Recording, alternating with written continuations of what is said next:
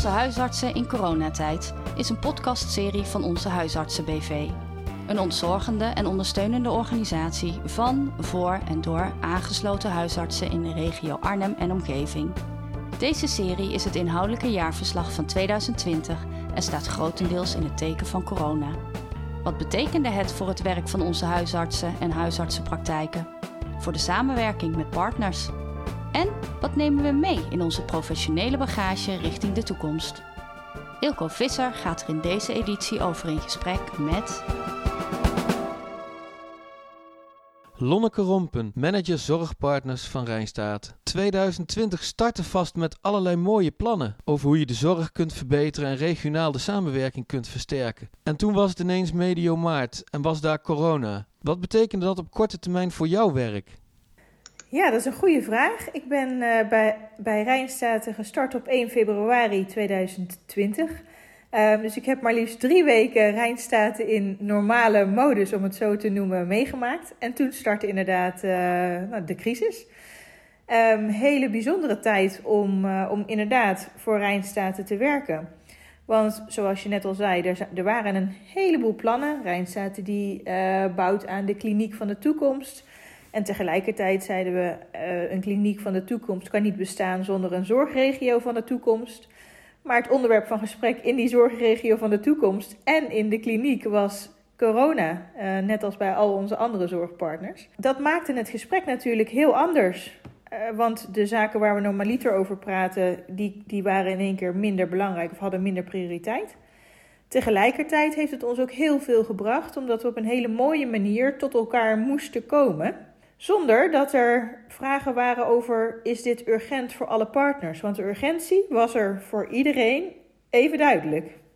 Ja, ja. En, en kun je eens uh, concreet een paar voorbeelden noemen van wat er nou in die eerste maanden in de samenwerking allemaal moest worden ingeregeld direct? Nou, het grootste voorbeeld denk ik was het vraagstuk hoe kunnen we de, de lijnen nou zo kort mogelijk houden? Er speelt natuurlijk heel veel tussen de huisarts en het ziekenhuis. En in een crisis als deze uh, nog meer dan normaal, uh, zou ik bijna durven zeggen. En de vraag was: hoe houden we elkaar nou op de hoogte? Hoe weten de huisartsen nou hoe erg de situatie in het ziekenhuis is? Wat er van hen verwacht wordt? En hoe weet het ziekenhuis nou waar de huisartsen mee bezig zijn? Hoe druk het bijvoorbeeld op de huisartsenpost is, maar ook in de huisartsenpraktijken? En uh, aan welke knoppen kunnen we draaien aan beide kanten?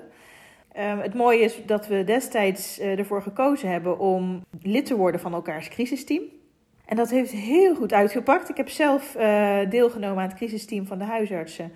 En Inge Nuiten heeft uh, deelgenomen aan het uh, COVID-medisch overleg, zoals dat dan in Rijnstaat heet. Waardoor we heel makkelijk op de hoogte waren van wat er speelt binnen de verschillende organisaties. Niet keuzes hoefden te maken op basis van, nou ja, ik heb gehoord dat. Hè, of in een overleg zeggen, ja, ik zal het nog eens eventjes navragen. Nee, de, de informatie kwam gewoon gelijk door. En daar konden we ook gelijk op handelen. En dat werkte ontzettend goed. En dat is wel een van de dingen waarvan ik zeg, nou, dat is, daar hebben we heel veel van geleerd. En dat willen we ook wel vasthouden, omdat dat juist zo'n mooie manier van samenwerking was. Ja, dat, dat versnelt ook echt de samenwerking. Ja, inderdaad. Uh, Lonneke, ik begreep dat een van de praktijkvoorbeelden, de dingen die uit het crisisteam ook zijn gekomen, is dat jullie gezamenlijk aan thuismonitoring zijn gaan werken. Ja, dat klopt helemaal. We zijn uh, als Rijnstaat al uh, geruime tijd een samenwerking met uh, Philips aangegaan. En in dat traject hadden wij het idee om thuismonitoring te gaan doen. Dat gebeurt in Nederland in de coronacrisis al in andere huizen. Maar vooral met andere platforms. en wij als Rijnstaat hadden het idee om dat met een biosensor, om het zo te noemen, te doen. En we zeiden, dit is een traject wat zich niet alleen maar binnen de muren van Rijnstaat uh, afspeelt. Sterker nog, het speelt zich af in de thuissituatie van de patiënt. En daarom uh, wilden we dat traject niet alleen maar met onszelf doen, maar juist vanaf het begin af aan al samen met onze collega's van de thuiszorg en, en de huisartsen. Dus we zijn een projectgroep gestart waarin de drie organisaties vertegenwoordigd waren en waarin we met elkaar het traject gingen uitzoeken. En in het begin ging dat echt over het schrijven van een protocol. Wat is er nou belangrijk voor de verschillende partijen? Om ervoor te zorgen dat het ziekenhuis niet zomaar dingen opschrijft die voor een huisarts belangrijk waren volgens het ziekenhuis. Nee, we wilden vanaf het begin af aan weten wat is er nou echt belangrijk voor de verschillende partijen.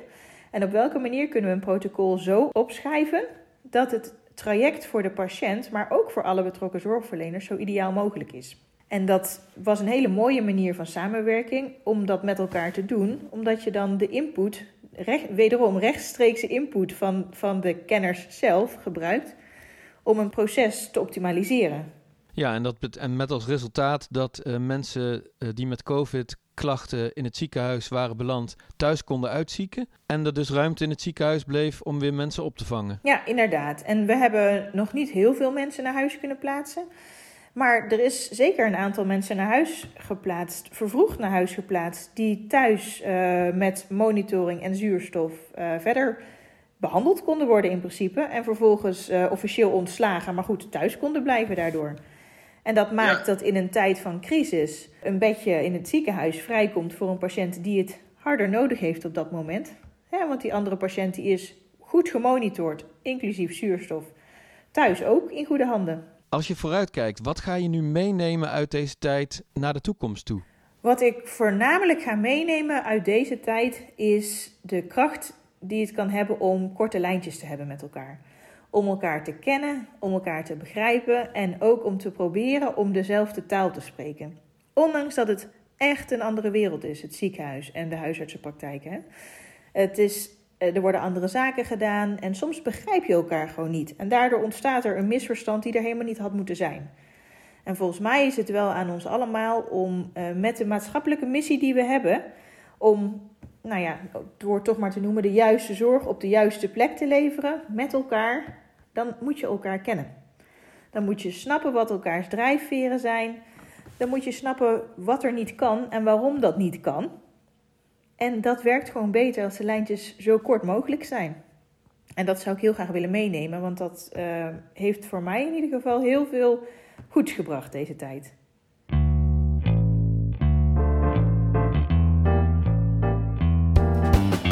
U luisterde naar de podcastserie Onze huisartsen in coronatijd.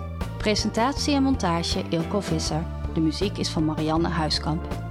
Mocht u meer informatie willen over onze huisartsen of meer afleveringen in deze serie willen beluisteren, ga dan naar www.onzehuisartsen.nl. Wilt u feedback delen? Graag! Stuurt u dan een mail naar info.onzehuisartsen.nl onder vermelding van podcast. Bedankt voor het luisteren.